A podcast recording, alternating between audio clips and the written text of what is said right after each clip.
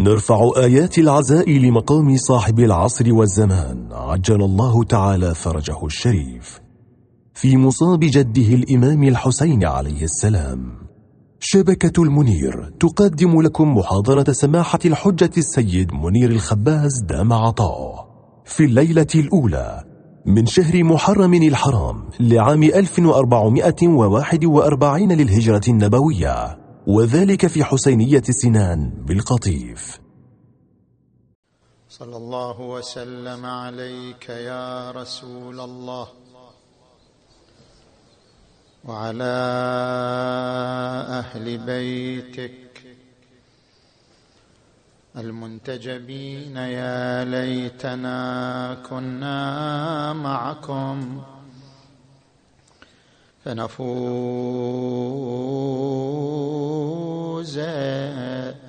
فوزا عظيما.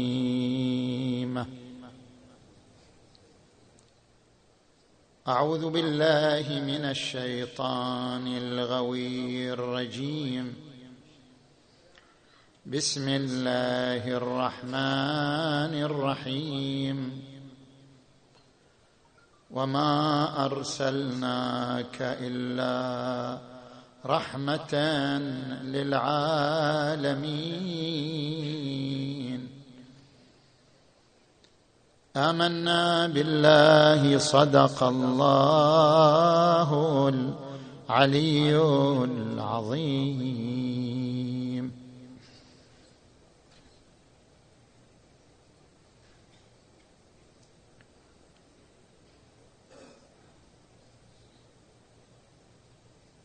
انطلاقا من الآية المباركة.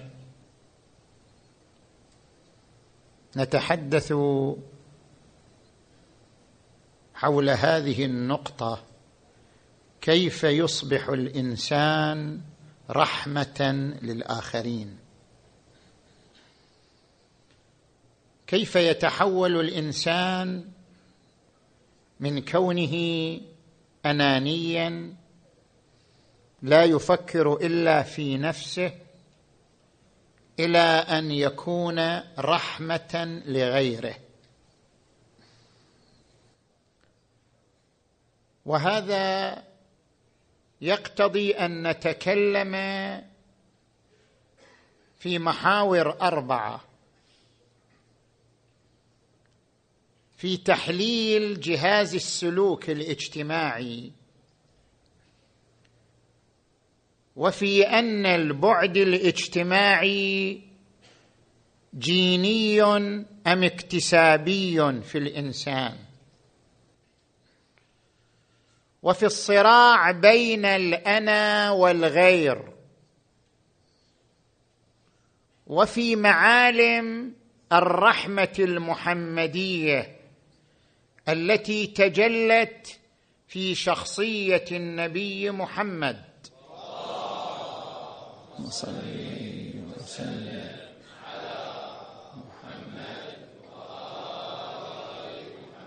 نبدأ بالمحور الأول. في تحليل جهاز السلوك الاجتماعي.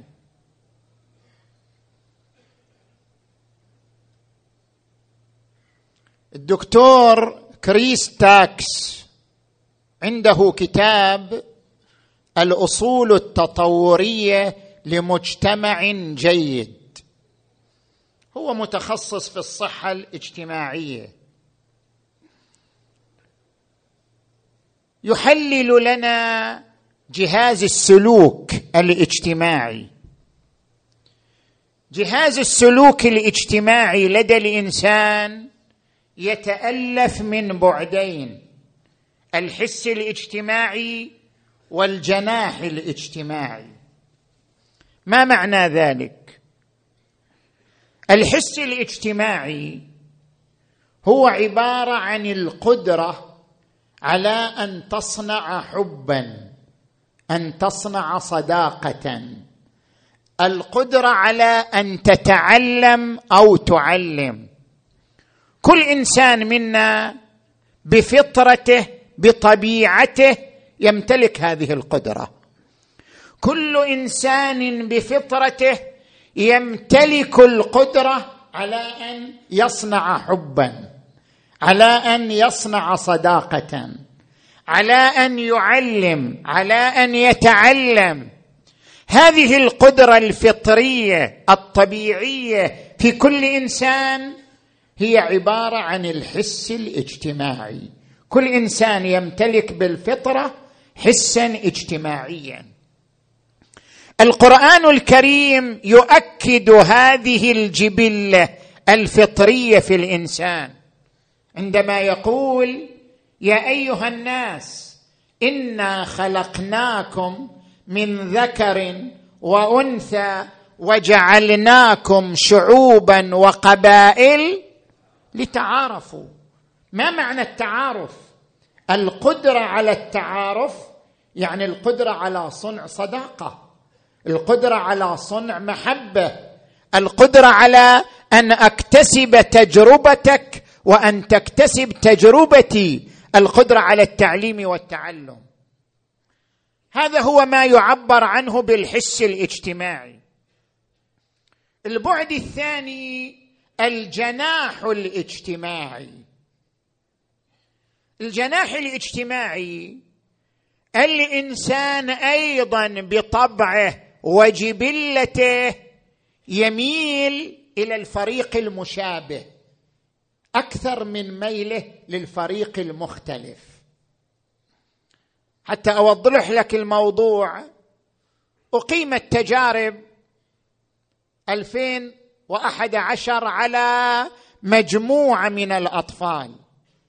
مجموعة من الأطفال ألبسوا قميصا بلون أحمر وألبست مجموعات من الأطفال أقمصة بألوان أخرى. وجدوا أن الطفل اللي يلبس قميص بلون أحمر يميل إلى الطفل المماثل إليه إلى الطفل المشابه إليه يعني إلى الطفل الذي يرتدي قميصا بنفس اللون. يعني أن الإنسان بفطرته وجبلته يميل إلى الفريق المشابه. من يشبهني؟ أكثر من ميلي إلى من؟ يختلف معي.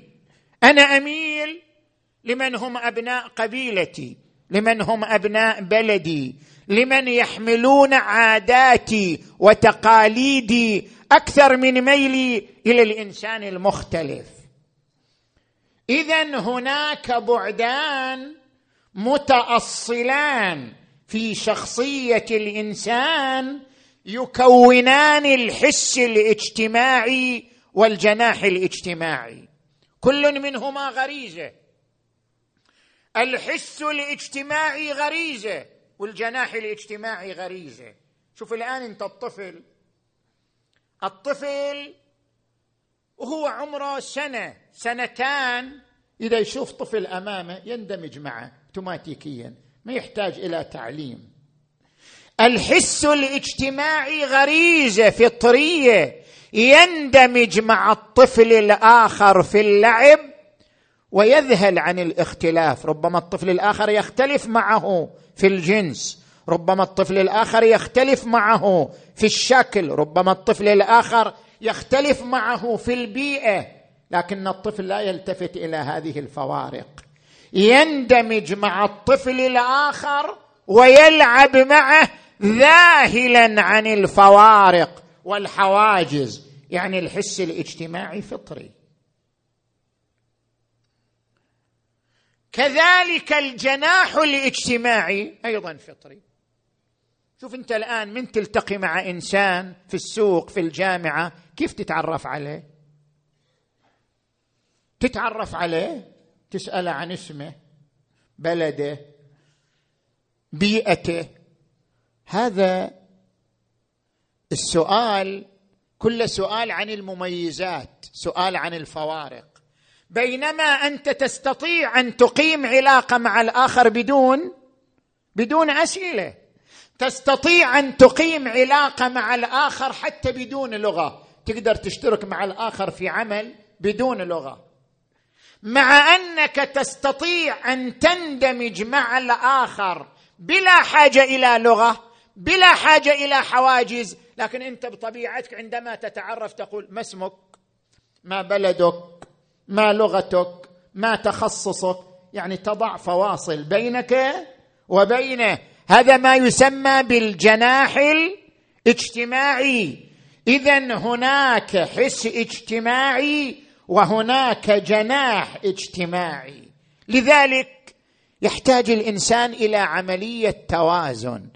كيف يوازن ويوفق بين الحس الاجتماعي أن يندمج مع الآخر ولو اختلف معه وبين ميله الطبعي لمن يشبهه لمن يلتقي معه في الثقافة أو في العادات والتقاليد.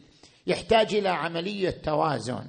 لذلك ورد عن النبي محمد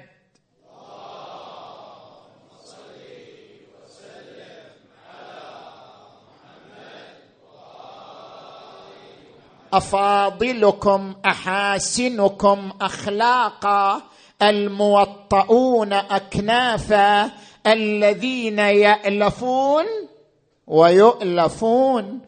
المؤمن يألف ويؤلف. نجي الآن إلى المحور الثاني. هل الثقافة الاجتماعية جين في الإنسان؟ أم مكتسبه من بيئته ومن محيطه.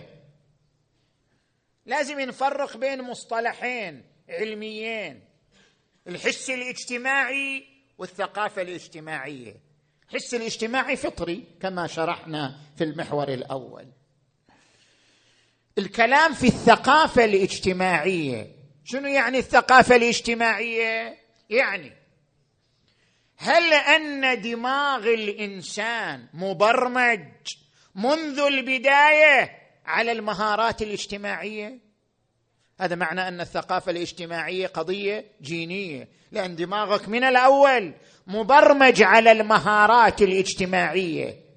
أما أنك تكتسب المهارات من بيئتك من محيطك ما في عندنا بحث علمي حاسم يحسم لنا النتيجة. هل الثقافة الاجتماعية جين أم اكتساب؟ ما عندنا بحث يحسم النتيجة. لكن إذا لاحظنا السمات المشتركة بين الإنسان وبين الحيوان هناك سمات مادية مشتركة هناك سمات نفسية مشتركة. إذا لاحظنا السمات المشتركة سوف نصل إلى مؤشر أن المهارة الاجتماعية أيضا فطرية في الإنسان. كيف؟ لاحظوا إلى عام 1964 كان الأطباء يتحيرون في علاج الأضرار التي تلحق بصمامات قلب الإنسان. كيف يعالجوا الأضرار التي تلحق بصمامات القلب؟ إلى أن جاء الجراح الفرنسي.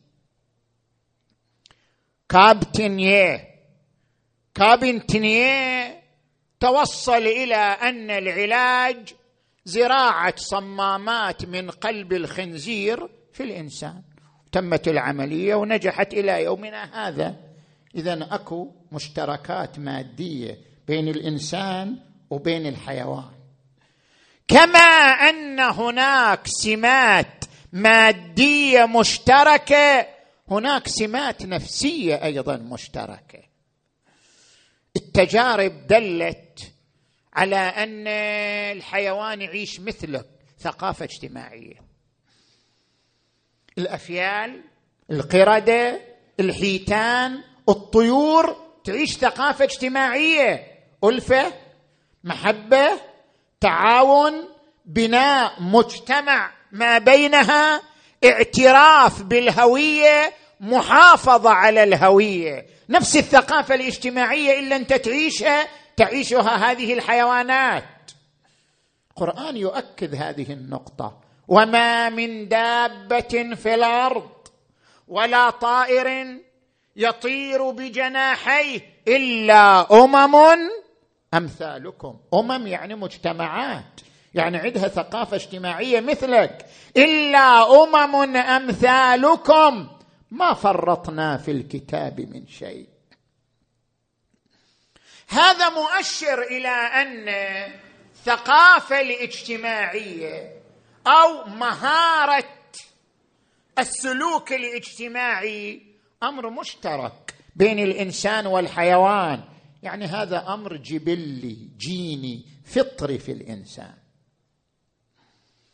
إنما السؤال يأتي هل أنت تقدر تصدر الثقافة الاجتماعية إلى أجيالك وأجيال أجيالك عبر ممرات جينية؟ يعني أنت الآن في البحرين في القطيف في الأحساء منطقة تتشابه في الأعراف والتقاليد. منطقة لها تقاليد وأعراف معينة. هل يمكن نقل هذه الثقافة هذه الأعراف هذه التقاليد أن ننقلها إلى أجيالنا؟ وأجيال أجيالنا عبر ممرات جينية؟ يعني يولد حفيد حفيدك وهو يميل إلى هذه التقاليد وهذه الأعراف وهذه الثقافة. هل هذا علميا ممكن؟ نعم ممكن علميا. الثقافة ممكن أن تنتقل عبر ممرات جينية. الثقافة بالمصطلح العلمي هي المعلومة التي تنتقل من فرد إلى آخر وتؤثر على السلوك الاجتماعي. كل معلومة تاثر على السلوك هي ثقافة. لكن الثقافة أيضا يمكن أن تصبح تكيفا تطوريا ينتقل عبر ممرات جينية إلى الأجيال وأجيال الأجيال. ممكن. حتى الثقافة الدينية. شوف أنت الآن تعيش ثقافة دينية تقول لا هذا أمر اكتسابي لكن يمكن أن يصير أمر جيني. الثقافة الدينية كأي ثقافة أخرى. يمكن أن تنتقل عبر ممرات جينية إلى أحفاد أحفاد الأحفاد. ممكن. علميا ممكن. إحنا عندنا حياة طويلة نسبيا. مو مثل حياة أجدادنا. نعيش الآن سنين. ممكن عبر حياتنا الطويلة نسبيا نرسخ ثقافتنا الدينية وتتحول من سلوك نمارسه إلى جين يعيشه أحفاد الأحفاد.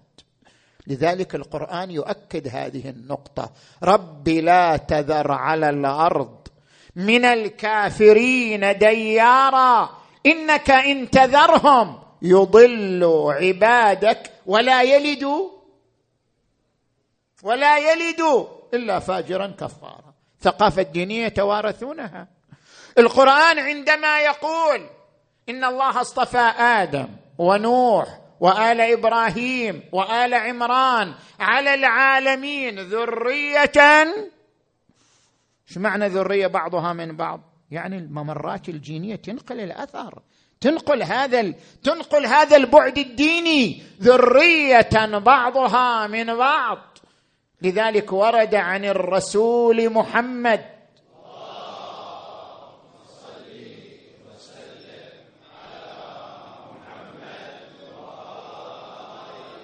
إياكم وخضراء الدمن. قيل وما خضراء الدمن؟ قال المرأة الحسناء في منبت السوء.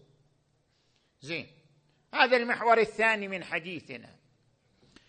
المحور الثالث من حديثنا ذكرنا أن الإنسان يعيش الحس الاجتماعي بفطرته.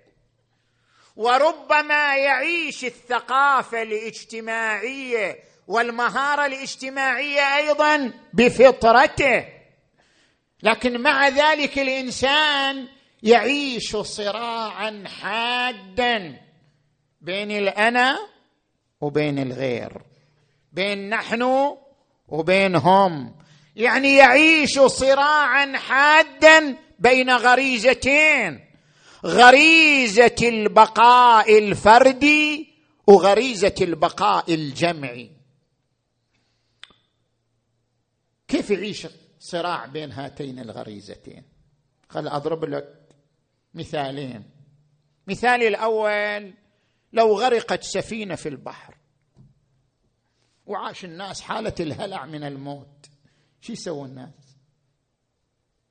كل واحد يقول أوف نفسي نفسي خليه يروح. مهم أنا أنجو أنا.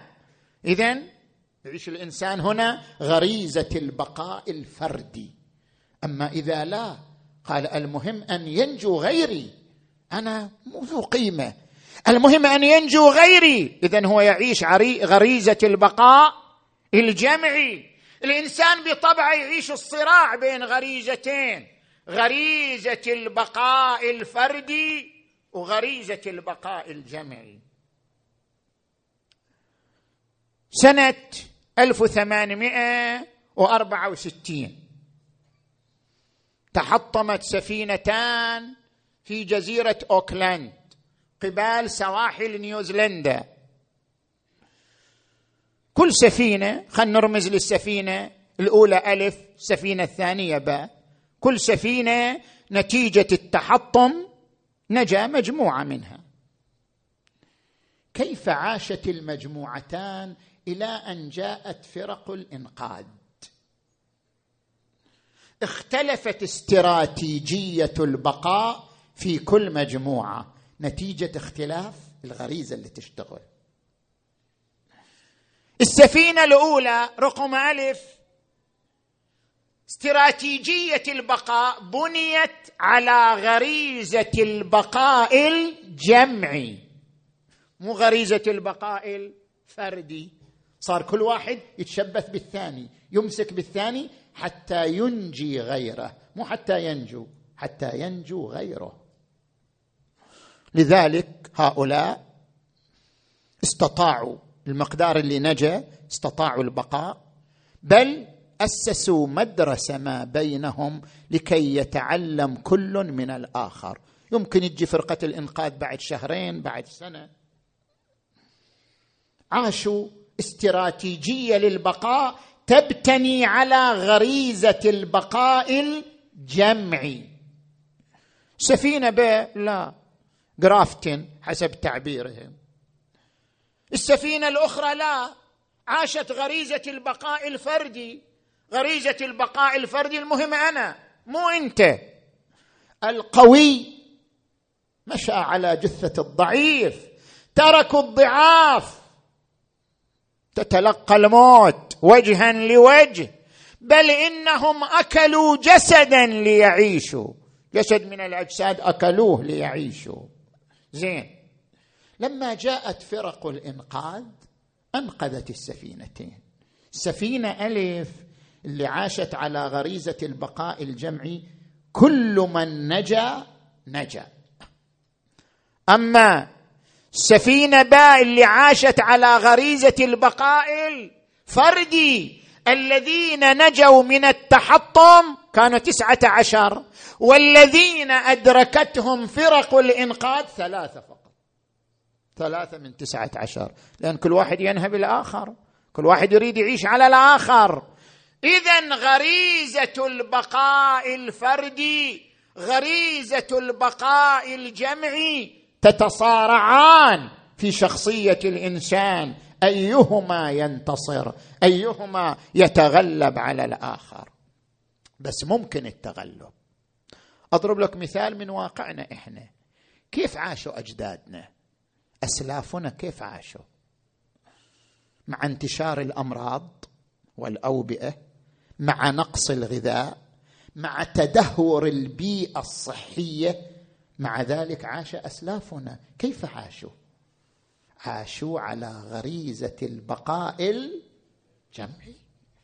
تقاسموا قطعة الخبز. تقاسموا لقمة العيش. آثر كل الآخر على نفسه. ضحى كل من أجل الآخر. سمت فيهم غريزة البقاء الجمعي على غريزة البقاء الفردي فعاشوا وبقوا إلى أن جئنا نحن. ولدنا ولدنا عن سلف عاش غريزة البقاء الجمعي. اذا الإنسان في الصراع يمكن أن يتغلب يمكن أن تتغلب في الإنسان غريزة البقاء الجمعي على غريزة البقاء الفردي ويؤثرون على أنفسهم ولو كان بهم خصاصة. نجي الآن للمحور الأخير من حديثنا. كيف يصبح الإنسان رحمة لغيره من بني الاشر أنا مو بس أرحم نفسي أنا أصلا رحمة لغيري. كيف يتحول الإنسان من أناني يعيش غريزة البقاء الفردي إلى غيري يعيش غريزة البقاء الجمعي كيف يصبح الإنسان رحمة لغيره؟ كيف يصبح الإنسان مصداقا للآية المباركة؟ وما أرسلناك إلا رحمة للعالمين. فبما رحمة من الله لنت لهم. ولو كنت فظا غليظ القلب لانفضوا من حولك. خلينا نعرف الرحمة. ما هي الرحمة؟ حتى نعرف الإنسان هل يمكن أن يتحول رحمة لغيره أم لا. خلينا نعرف الرحمة. الرحمة بالمنظور الطبي. الرحمة بمنظور علم النفس الاجتماعي. الرحمة بمنظور علم العرفان. اسمع. الرحمة بالمنظور الطبي.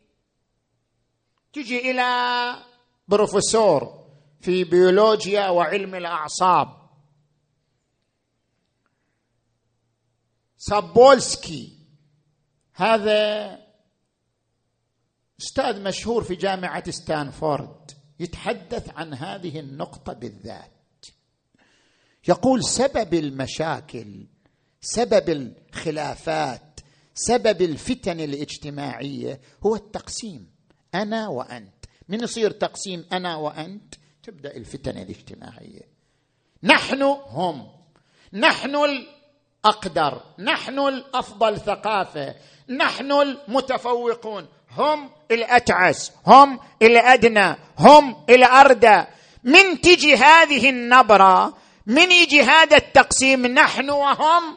يعني هذه بداية افتراق اجتماعي.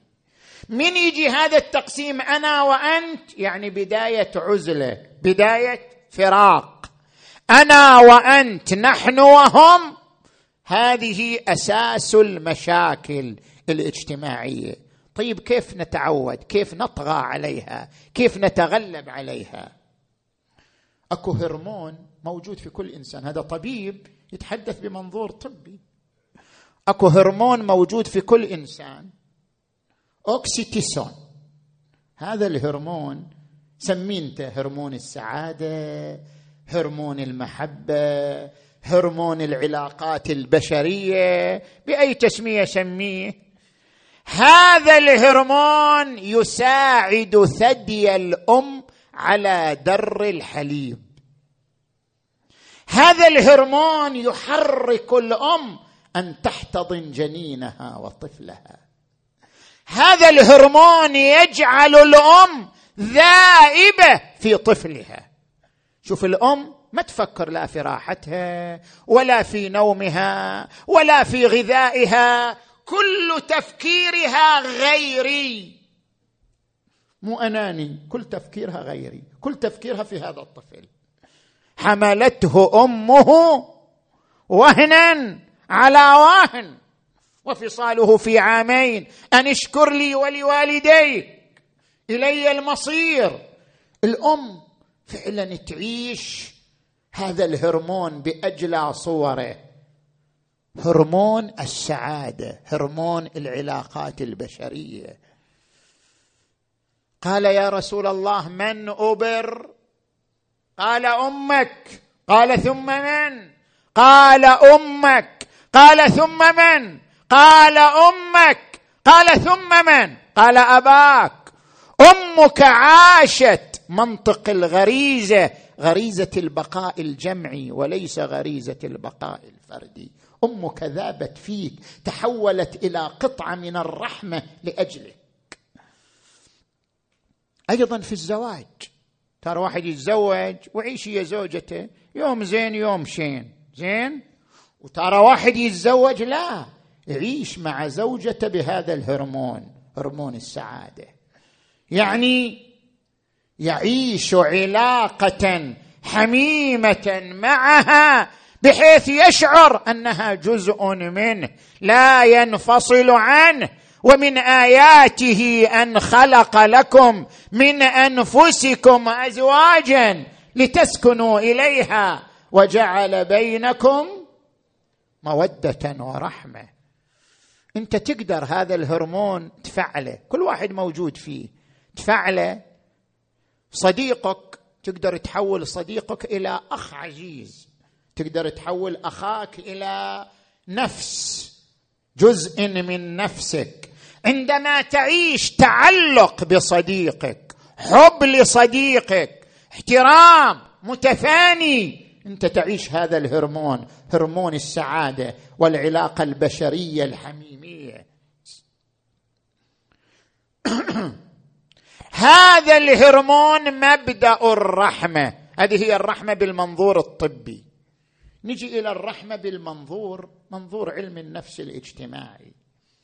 الرحمة هي استثارة الوشائج الإنسانية.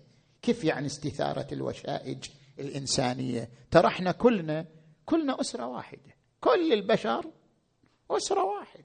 حتى هذا الكافر هو وياك من أسرة واحدة. كلنا نرجع إلى أصول واحدة. عناصر واحدة مشتركات واحدة. زين؟ القرآن الكريم يؤكد ذلك.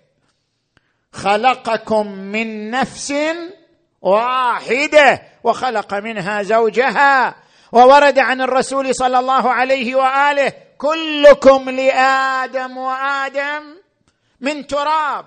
يعني أنتم تعيشوا نفس العناصر نفس ال... نفس الأمزجة نفس الميول. زين؟ عندما تثير الوشائج الإنسانية التي بينك وبين غيرك سواء اتحد معك أو اختلف معك إثارة الوشائج الإنسانية بينك وبين غيرك هذا يعبر عنه بالرحمة. الرقة العاطفة الرأفة الألفة البسمة الجميلة هذه كلها مظاهر مظاهر للرحمة لاستثارة الوشائج الإنسانية بينك وبين غيرك. هنا تتجلى أن تكون رحمة لغيرك. زين؟ تجي إلى المنظور العرفاني. علماء العرفان يقولون الرحمة أن تصبح وجها لله. كيف أنا الإنسان أصبح وجها لله؟ يقولون الهدف من وجود الإنسان أصلا. أصلا ليش؟ ليش الإنسان وجد الهدف من وجود الإنسان أن يكون وجها لله أن يكون مرآة لله أن تتجلى فيك شنو؟ صفات الله. إنما المسيح عيسى ابن مريم رسول الله وكلمته أن تصبح كلمة الله. كيف تصبح أيها الإنسان كلمة الله؟ كيف تصبح أيها الإنسان وجها لله تبارك وتعالى؟ الطريق ترى مو طويل قصير. أبرز صفة لله صفة الرحمة. بسم الله الرحمن الرحيم. الرحمة الرحمانية والرحمة الرحيمية. عندما تتجلى صفة الرحمة في الإنسان ويصبح مؤثرا غيره على نفسه ويصبح مضحيا لغيره يصبح وجها لله عز وجل. وكلما تصاعدت درجة الرحمة كلما كبرت درجة الرحمة صار أقوى مرآتية لله ووجها لله. لذلك أعظم وجه لله وأسمى مرآة لله محمد.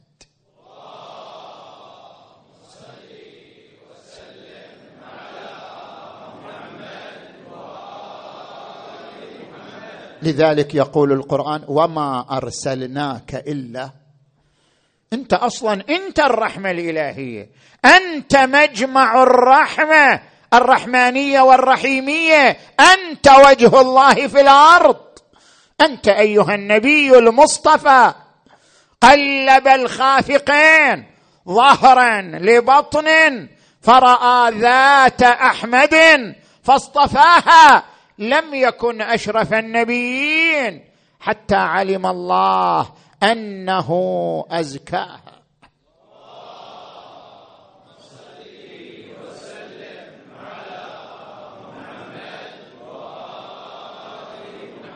اذا حتى تصبح أنت رحمة للآخرين لابد أن تنتهج نهج محمد. لابد أن تسلك درب محمد. لابد أن تتقمص معالم الرحمة النبوية في الشخصية المحمدية للنبي صلى الله عليه وآله. ما هي معالم الرحمة النبوية؟ زين معالم أربعة نتعرض إليها على سبيل الاختصار. المعلم الأول أن تعيش ثقافة الرحمة. ترى الرحمة مو كلام مو حروف نقولها ونمشي. الرحمة سلوك الرحمة ثقافة. أن تعيش ثقافة الرحمة. كيف تعيش ثقافة الرحمة؟ هذا مجتمعك أمامك. منه الغني ومنه الفقير. هل يعطف الغني على الفقير؟ هذا المجتمع أمامك. متعلم ومعلم. زين؟ فقير وغني. اختلاف في المستويات. نحن قسمنا بينهم معيشتهم في الحياة الدنيا ورفعنا بعضهم فوق بعض درجات ليتخذ بعضهم بعضا سخرية. يعني لكي يسخر بعضهم البعض الآخر لخدمته. أنت أمامك مجالات للرحمة. الجمعيات الخيرية اللجان الأهلية الأعمال التطوعية كلها مجالات تستطيع أن تحول شخصيتك فيها إلى أن تكون رحمة للآخرين. أن تعيش ثقافة الرحمة. القرآن الكريم يقول محمد رسول الله والذين معه أشداء على الكفار رحماء بينهم يعني ثقافة الرحمة يعيشوها تراهم ركعا سجدا يبتغون فضلا من الله ورضوانا. النبي يقول ارحموا من في الأرض يرحمكم من في السماء فبما رحمة من الله لنت لهم ولو كنت فظا غليظ القلب لانفضوا من حولك. المعلم الثاني ألا وهو السيطرة على الأعصاب والانفعالات. شوي شوي على نفسك. مو دائما مشدود مشدود. شوي شوي. خفف هون على روحك. السيطرة على الانفعالات والأعصاب معلم أساس من معالم الرحمة. إحنا جايين بالطريق. سيارة تطلع علينا سيارة تعبر سيارة يطلع من طارة وسباب وشتائم علشان سيارة عبرت سيارة مشت. شوي شوي. كن رحمة للآخرين ومبدأ الرحمة. إن تضبط أعصابك تضبط انفعالاتك. القرآن الكريم يقول والكاظمين الغيظ والعافين عن الناس والله يحب المحسنين. أحسن. تجاوز اعفو غض النظر كن رحمة للآخرين. تستغرب من البعض يعيش أحقاد يعيش آلام طويلة. ليش؟ والله فلان ذاك اليوم قال لي كلمة سيئة. ما أقدر أنساها. والله ذاك اليوم حكايه عبرت لا ابدا إلى يوم القيامة ما أنساها. لا يا أخي مو هذه أخلاق محمد. ولا تربية محمد. ولا تربية القرآن. اضغط على أعصابك وانفعالاتك. الرسول صلى الله عليه وآله جاءه أعرابي يريد يأخذ الزكاة منه. أيام شتاء والرسول لابس بردة غليظة على عنقه. جاء الأعرابي أعرابي بعد أمسك بالرسول من بردته وشدها. قال يا محمد أعطني من مال الله الذي هو ليس مالك ولا مال أبيك. النبي قال صدقت المال ليس لي. هذا المال مال الله.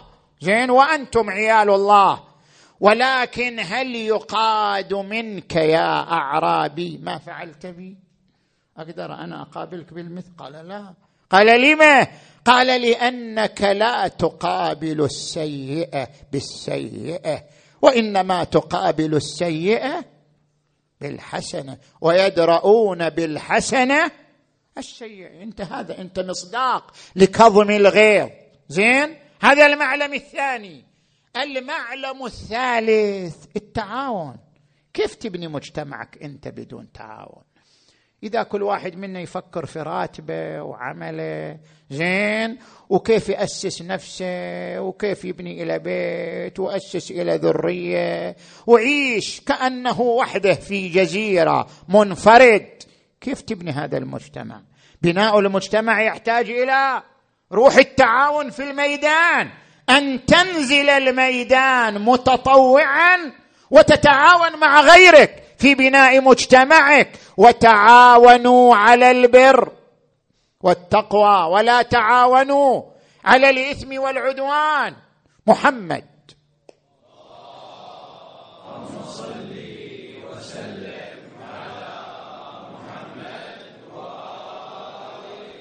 يخرج مع أصحابه في رحلة زين؟ يحتاج ياكلوا. قال شخص أنا أذبح الشاة. وقال الثاني علي سلخها. وقال الثالث علي طبخها. قال النبي وعلي جمع الحطب. قالوا إنا نكفيك يا رسول الله. قال علمت أنكم تكفونني ولكني أكره أن أتميز عليكم. يريد أن يربيهم على خلق التعاون على روح التعاون. فأصبحتم بنعمته إخوانا متعاونين. زين؟ تجي إلى المعلم الرابع والأخير. أرقى درجات الرحمة الإيثار. شو اللي أنت محتاج اليه تقدمه إلى غيرك. محتاج إلى أنت بس تقدمه إلى غيرك. ويؤثرون على أنفسهم ولو كان بهم خصاصة أعلى درجات الرحمة. علي بن أبي طالب. تلميذ محمد مدرسة محمد. علي بن أبي طالب يبيت على فراش رسول الله فاديا له بنفسه. لا يفكر في الحياة. يقول له رسول الله أو تبيت على فراشي؟ وقد يقتلك الأعداء. قال أو تنجو يا رسول الله؟ قال بلى.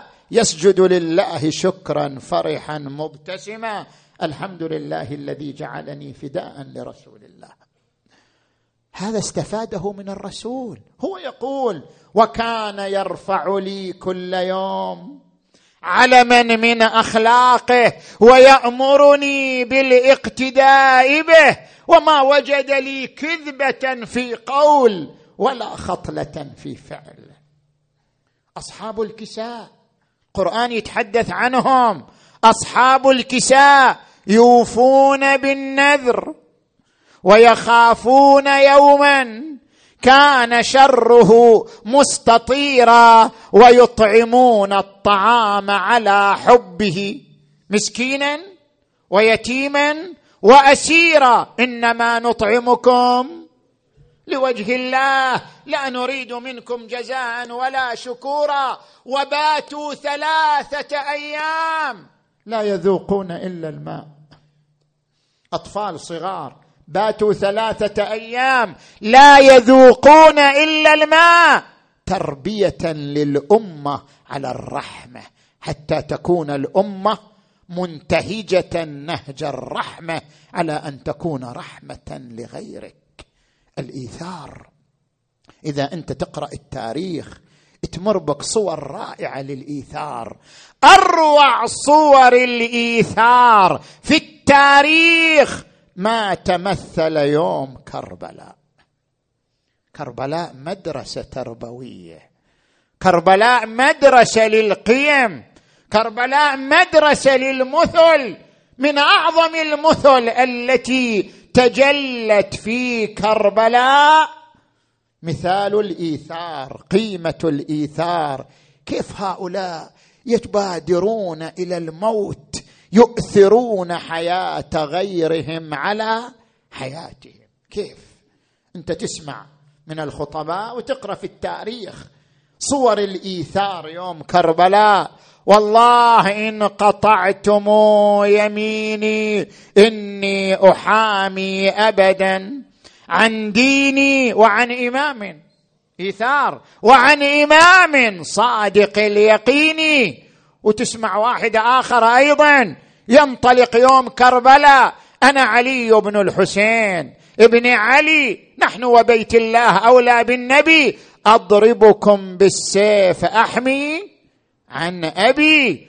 وتسمع واحد ثالث يوم كربلاء. حب الحسين. أجنني. تسمع هالأصوات المتعالية. لو حضرت أنت يوم كربلاء وأصغيت بسمعك إلى المخيم وما حول المخيم. إيش رايح تسمع؟ تسمع صوت واحد؟ لبيك أبا عبد الله. لبيك يا حسين. لبيك أبا عبد الله. كلهم كانوا ينادوا بهذا النداء يصرخون بهذه الصرخة. لبيك أبا عبد الله. انت أيضا تعيش قيم كربلاء ها؟ ومثل كربلاء إن كان لم يجبك بدني عند استغاثتك ولساني عند استنصارك فقد أجابك قلبي وسمعي وبصري. نحن من بعد قرون نناديك لبيك أبا عبد الله. لبيك يا حسين حسين يا. هذه أصواتنا ها؟ هذه أصوات الأنصار ها؟ لكن أكو صوت آخر تسمع أيام عاشوراء ها؟ صوت الأم المفجوعة صوت الأم الحزينه صوت الأم اللي تجدد أحزانها ومصيبتها ها. في كل سنة في كل عام تجدد المصيبة عليها ها. هذه الأم المفجوعة هذه الأم الحنون ها. تحتاج إحنا الليلة نسليها. نعظم لها الاجر ها جئنا هذه الليالي لتسليتها ولتعظيم الأجر لها. توجه بقلبك نحو ذلك القبر في المدينة. وأريد الصرخة تطلع من قلبك ها. أريدك تعزيها هذه الليلة ها. يا راكبين إن جئت طائبة مقبلة. صوتك صوتك يا راكبين إن جئت طائبة فعرج على يا يا مكسورة. وحدث بما يا يا يا يا مضى الفؤاد. أنت بعد تعرف ها شو تقول؟ فاطمه لا يا خلت ال يا فاطمة لو خلت الحسين وقد مات عايات شانا بشايات. يا زهرة يا زهرة قضى ضاميا. ماذا قليل ماء برده رهين رمال تصهر الشمس. إي والله فاطمة لا يوما تقول شو تسوي اذا لا طامت الخدفات وأجريت دايا يا مع العين بيل. بعد صوت آخر أريد أسمع منك. نادت يا ويلي والدمع بالخد بادي. لا تهيجوني يا خلاق. كلهم أولى. لكن لكن مصاب حسين. ساطي في فؤاد. كل المصايب هوناتها مصيبه ويلي أنا دهري رماني بالرزاء آية بكل غا شتت أولادي عن يميني وعن شمال ما أشوف ساعة من الدهار مرتاح با. وعظام علي لا. نعناعي أنا دهري رماني بالرزايا بكل الشهور. وانساني ضلع اللي بجنب الباب مكسور وعظام على قلبي. فجيعة يوم كل البكا والناح والصيحة على إيه أنا الوالدة أنا الوالدة والقلب لهفان. لهفايان وادور عزبني ويا يا يا يا وين ما كان اوالي اوالي اوالي على ابن المات عطشان وتلعب عليه الخيل الخيل ما ما غسلوه ولا لفوه في كفن يوم الطفوف ولا مدوا عليه ردا. يا الله. اللهم بالزهراء وأبيها وبعلها وبنيها والسر المستودع فيها اللهم اغفر ذنوبنا واستر عيوبنا وكفر عنا سيئاتنا وتوفنا مع الأبرار اللهم فرج عنا وعن المؤمنين والمؤمنات اللهم ارحم أمواتنا وأموات المؤسسين وأموات المؤمنين والمؤمنات وإلى أرواح أموات الجميع. بلغ ثواب الفاتحة. تسبقها الصلوات.